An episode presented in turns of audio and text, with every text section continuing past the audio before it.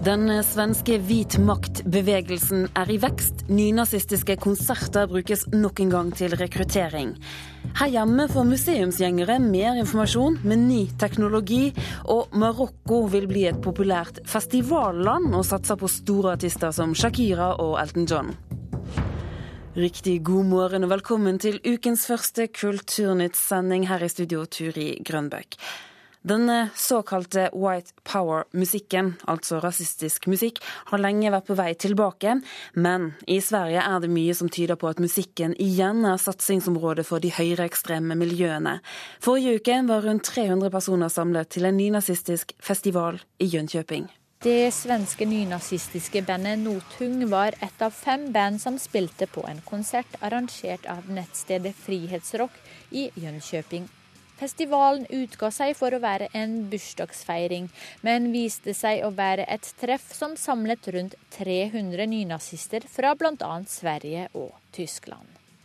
Konsertene er et sted hvor man knytter nye kontakter og sprer budskapet på en effektiv måte, sier David Lagerlöf fra det svenske antirasisttidsskriftet Expo til Sveriges Radio.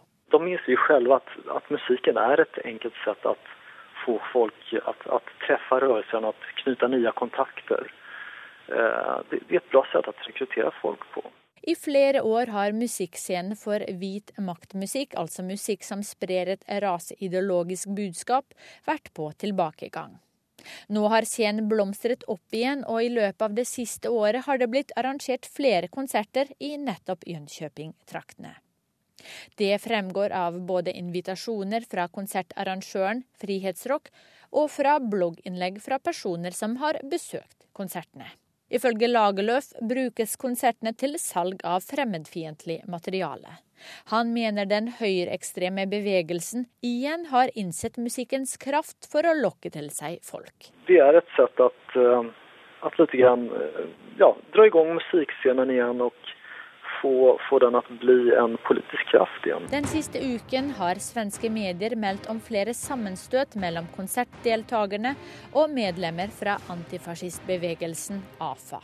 Blant annet fikk en 20 år gammel mann som var på konserten i Jönköping, en røykbombe kastet inn i huset. Selv tror mannen at disse antifascistaksjonene skyldes den økte konsertvirksomheten fra hvitmaktbevegelsen. Det har vært et par spillinger i Jönköping seneste året, eh, hvilket kan ha en kobling til at det har begynt nå.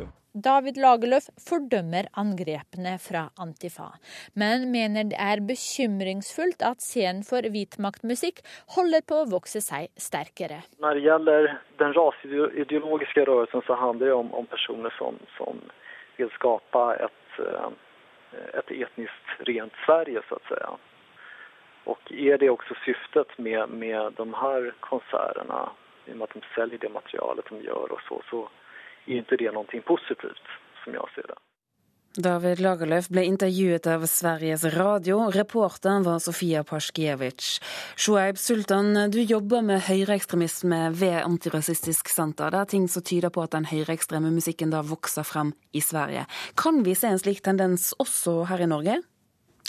Ja da, vi ser eh, For det første så dreier det seg om en ny høyreekstremistisk Eh, bevegelse. Og vi ser eh, mange av de samme tendensene i Norge. Men akkurat som tidligere, vi ser det samme mønsteret igjen, at eh, miljøene i Sverige er større, bedre organisert og, og gjennomgående mer profesjonelle, rett og slett. Hvordan vil du karakterisere de norske miljøene? De er små, de er fragmenterte. De har i forhold til tidligere høyreekstreme grupperinger mye større resonans i befolkningen. Men likevel så har vi ikke sett den helt store masseorganiseringen. Eh, de har ikke helt greid å få det til, da. Og i Sverige, der er de større, de er bedre organisert. Hvordan kan det ha seg? Det har jo med en rekke forskjellige forhold å gjøre. Alt fra, alt fra uh, det at uh, de, hadde, de, har en helt annen historie fra krigen, andre verdenskrig. Nynazistene fikk en helt annen type mulighet til å vokse i Sverige i etterkant av krigen enn de de hadde i Norge, som hadde nok personshistorie og en sånn voldsom, eh, voldsom uh, motstand mot nazismen. Eh, likevel så, så, så, så, kan ikke bare det forklare det. ikke sant? Altså, det er større. Eh, Dan Sverige er omtrent dobbelt så stort. Men, men, i tillegg så er det mange andre ting eh, som spiller inn. Kan det ha noe med det politiske landskapet i Sverige å gjøre? Det har vært lansert som en av flere uh, forklaringer som, uh, som, som, må kikkes nærmere på.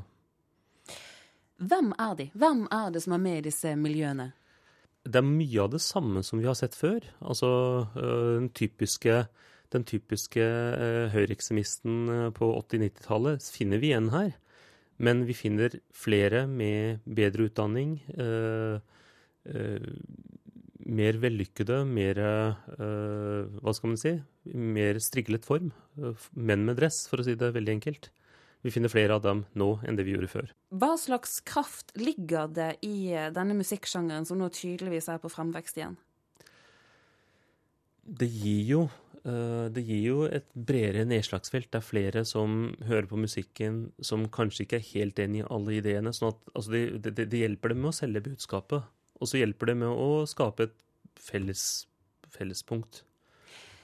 Til slutt, det norske miljøet og det svenske miljøet. Er det mye kontakt mellom de to?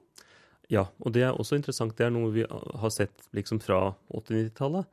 Uh, eh, og, og, og, nå skal det jo være en uh, større samling av kontrajihadistiske miljøer i Stockholm 4.8. Uh, uh, hvor vi forventer at en større gruppe fra Norge også skal delta. Shoaib Sultan jobber med høyreekstremisme ved Antirasistisk Senter.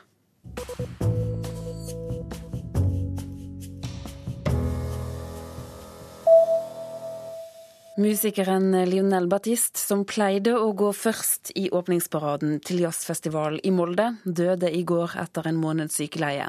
Han gikk under tilnavnet Onkel Lionel og var vokalist, trommeslager og assisterende leder for bandet Stream Brass Band. Som tamburmajor for åpningsparaden til Molde Jazz, så har han danset gjennom Moldes gater med en rekke norske politikere, bl.a. Kjell Magne Bondevik, Valja Svarstad Haugland og Åse Kleveland. Skuespilleren Ernest Borgnine døde i går 95 år gammel. Eh, Borgnine fikk sitt gjennombrudd med filmen 'Herfra til evigheten' i 1953. Han vant en Oscar for sin rolle som en forelsket, men beskjeden slakter i filmen 'Marty' fra 1955. Hans femte og siste hustru var opprinnelig fra Norge, og de giftet seg i 1973. EDT Choir fra Hamar vant i helgen to gull i verdens største korkonkurranse, World Choir Games, i Cincinnati i USA. Koret deltok i to klasser, populærmusikk for kor og blandet ungdomskor, og de fikk da altså førsteplassen i begge klassene. Dette koret det består av 30 ungdommer mellom 16 og 23 år. De er fra Hedmark og har sunget sammen i ett og et halvt år. Dette var første gang de deltok i en internasjonal korkonkurranse.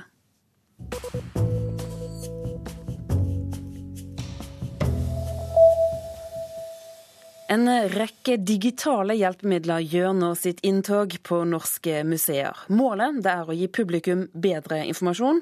På Teknisk museum i Oslo er det nå en jukebox-utstilling der skiltene er utstyrt med firkantede koder, såkalte QR-koder. Disse kodene har åtte år gamle Ola fra Elverum skannet for aller første gang. Um, er det bare å sikte inn. Hva skjedde nå? Nå kommer det opp en video. Jukeboksen spiller en plate. I disse dager er det en jukebox-utstilling ved Teknisk museum i hovedstaden, hvor skiltene er pyntet med QR-koder. Disse firkantede kodene, som kan minne om strekkoder, fungerer som snarveier til ulike nettsteder. Det eneste du trenger, er en QR-applikasjon på din smarttelefon, som vil da lese denne type kode. Etter at smarttelefonen har skannet koden, så vil et vindu med informasjon eller et videoklipp automatisk åpne seg. Og konservator Dag Andreassen ved Teknisk museum sier at dette bare er begynnelsen. Det som er nytt, er jo at publikum nå har med seg utstyr som de kan spille av video eh, på, og det hadde de jo ikke for eh, bare noen få år siden. Så vi er vel i en fase nå hvor vi prøver ut om dette er noe som publikum ønsker å bruke. Så slutter vi jo ikke å gjøre det som vi alltid gjør med å ha informasjon på tekst og på film og gjennom skjermer og skilt rundt gjenstandene våre. Men hvis dette kan gi en ekstra dimensjon, så syns vi at det er verdt å prøve. Så her er jo vi opptatt av museenes eh, rolle i kulturminnevernet. da. Museene i Norge har gjort store teknologiske fremskritt de siste årene, ved å bl.a. være mer synlig på sosiale medier. Og Norges museumsforbund sin generalsekretær, Trond Vigeland Nilsen, sier at QR-koder er en del av utviklingen til norske museer. Det er jo en eh, modernisering av formidlinga på museene. Og jeg vil også nevne at eh, over 100 museer har jo lagt ut over 1 million gjenstander på nettet. Så det er jo også en del av arbeidet med å synliggjøre hva faktisk museene har i samlingene sine. I vår var det sikkert mange som prøvde ut QR-koder hjemme ved frokostbordet. Da fikk man oppleve kuer som beveget seg rundt melkekartongen. Og fremtiden har mer å by på, spår Andreassen. Det finnes veldig mange ubrukte muligheter som knytter seg til bruk av QR-kode. F.eks. så kan man modellere 3D-miljøet rundt gjenstander i utstillingen.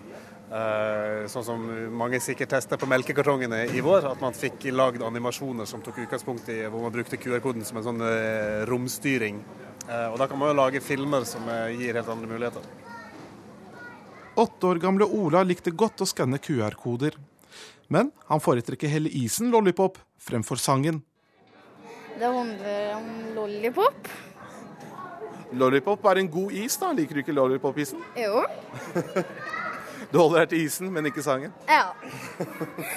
Reporter her, det var Fouad Asharki. Klokken er blitt 8.15 eh, her i NRK P2. Du lytter til Nyhetsmorgen. Hovedsaker i dag det er at Fotballforbundet frykter at kampfiksing i norsk fotball er mer utbredt enn hva som ble avdekket i går etter vi hadde pressekonferansen i går og dette blir kjent, så tikker jo det inn nye tips til oss. Det sier leder Yngve Hallén. Helsesøstre er bekymret over foreldre som vil ha lavkarbobarn og frykter feilernæring. Altså, Lavkarbodiett er ingenting for barn. Barn er i vekst og utvikling, og da trenger de òg eh, karbohydrater. Og bli med oss videre i Kulturnytt, for en eh, ny roman har evnet å gjøre vår litteraturkritiker interessert i den erkeamerikanske sporten baseball.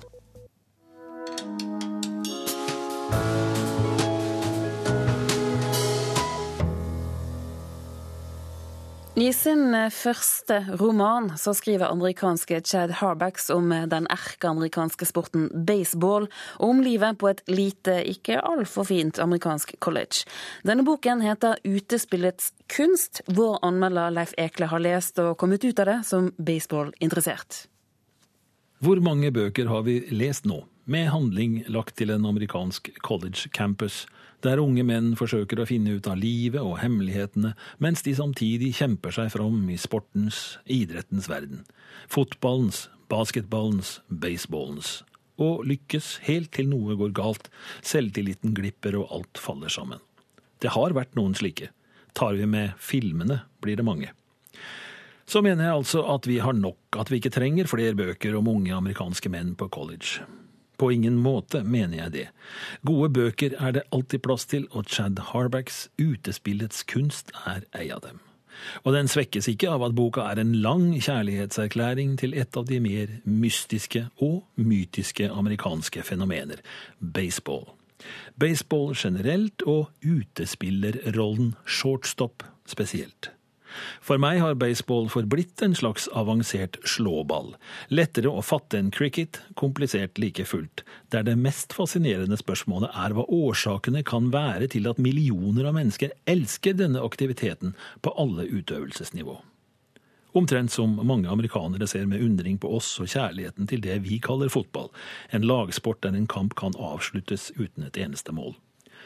Utespillets kunst er Chad Harbecks debutroman. Som sådan er den et imponerende stykke arbeid, selv om det nok finnes partier som ikke er like sterke som de beste, eller som helheten. Dette har kanskje mest med redigering å gjøre. Den er lang. Like fullt, det er en fin, innlevd og til tider merkverdig historie, dette om den kortvokste, spinkle arbeiderklassegutten Henry Scrimshander, det svære shortstop-talentet med gudbenådet ballforståelse og en fenomenal kastarm. Om alt som hender etter at kapteinen på et college-lag oppdager ham, får ham inn på skolen mot alle sosiale odds, setter ham i hardtrening og utvikler Henry til en av de mest lovende shortstoppene i sportens historie. Alt mens vennskapet utvikles, mens vi møter skolens rektor, hans datter på vei ut av et ulykkelig ekteskap, og rektor Gert Affenlights etablering av et uhørt forhold til Henrys romkamerat Owen Dunn. Sjansen for at leseren på et eller annet plan vil oppleve å ha lest dette, eller noe som ligner før, er ganske stor. Men så kommer de helstøpte personene som fyller boka til. Lengslene og ofrene deres, den skakke humoren som også ligger i språket og dialogene. Om ikke det var nok, det er rett og slett moro å lese om baseball når den omskrives med slik kjærlighet og innsikt. Oversetter Stian Omlands korte innføring i sporten med tilhørende ordliste kommer godt med. Selve oversettelsen holder også mye vann, selv om jeg personlig skulle ønske at teksten iblant var strammere og mindre muntlig pratsom. Mener altså litteraturkritiker Leif Ekler. Du finner flere litteraturanmeldelser på nrk.no.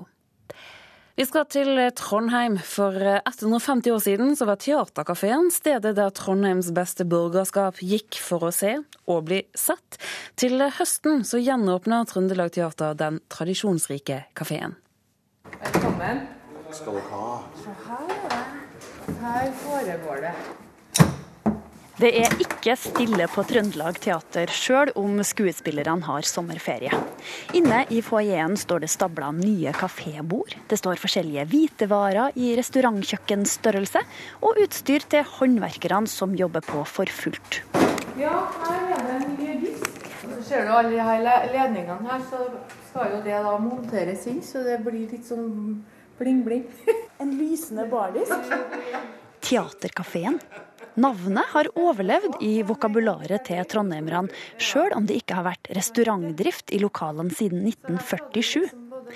Nå har Aud Sissel Wold fått oppdraget med på ny å spre matlukt i teaterlokalene. Publikum skal få komme inn her, da. Så se på de fine vinduene. Jeg har aldri skjønt hvorfor det rommet her skal stå så fryktelig tomt. Men det er Kristian Sjeltun, teatersjefen, som egentlig har satt i gang det. Og han har vært veldig aktiv eh, i planlegginga. Vi ønsker å gjøre, gjøre teatret litt mer tilgjengelig også på dagtid. Sier teatersjefen, som er på ferie på Voss. Så selvfølgelig er det jo også et ønske om å kunne utvide opplevelsen rundt det å gå og se teater om kvelden, med et restaurantbesøk i tillegg. Teaterkafeen skal ha en bistromeny, altså alt fra kaker og kafémat til treretters middag. Den som har lyst bare på en kopp kaffe og lese avisa si, er hjertelig velkommen. Og den som vil ha en god lunsj, òg er velkommen. Og den som vil eventuelt ha treretters middag du skal, før du skal gå på forestilling. Det er jo så nydelig inni her. Det er et vakkert rom. For 150 år siden var Teaterrestaurasjonen, som spisestedet heter, en viktig del av Trondhjems restaurantliv. Lokalhistoriker Terje Brattberg er begeistra over at byens befolkning nok en gang skal få spise i det tradisjonsrike lokalet. Det man veldig ofte serverte på de trondhjemske kafeene på den tida, det var et halvt eller et dusin østers til karene, og i Trondheim så drakk du porterøl til. Men hvordan så det ut i Teaterkafeen i 1859? Det var tunge møbler og små, runde bord. Og mye bruk av tøy. Draperier og portierer. Og gardiner. Og et elegant publikum. Man kledde seg for å gå i teatret, og man kledde seg for å gå på teaterkafé. Hvem var det som gikk i Teaterkafeen? Det bedre borgerskap. Rett og slett Trondheims eh, bedre stilte borgerskap. De som gikk i teatret.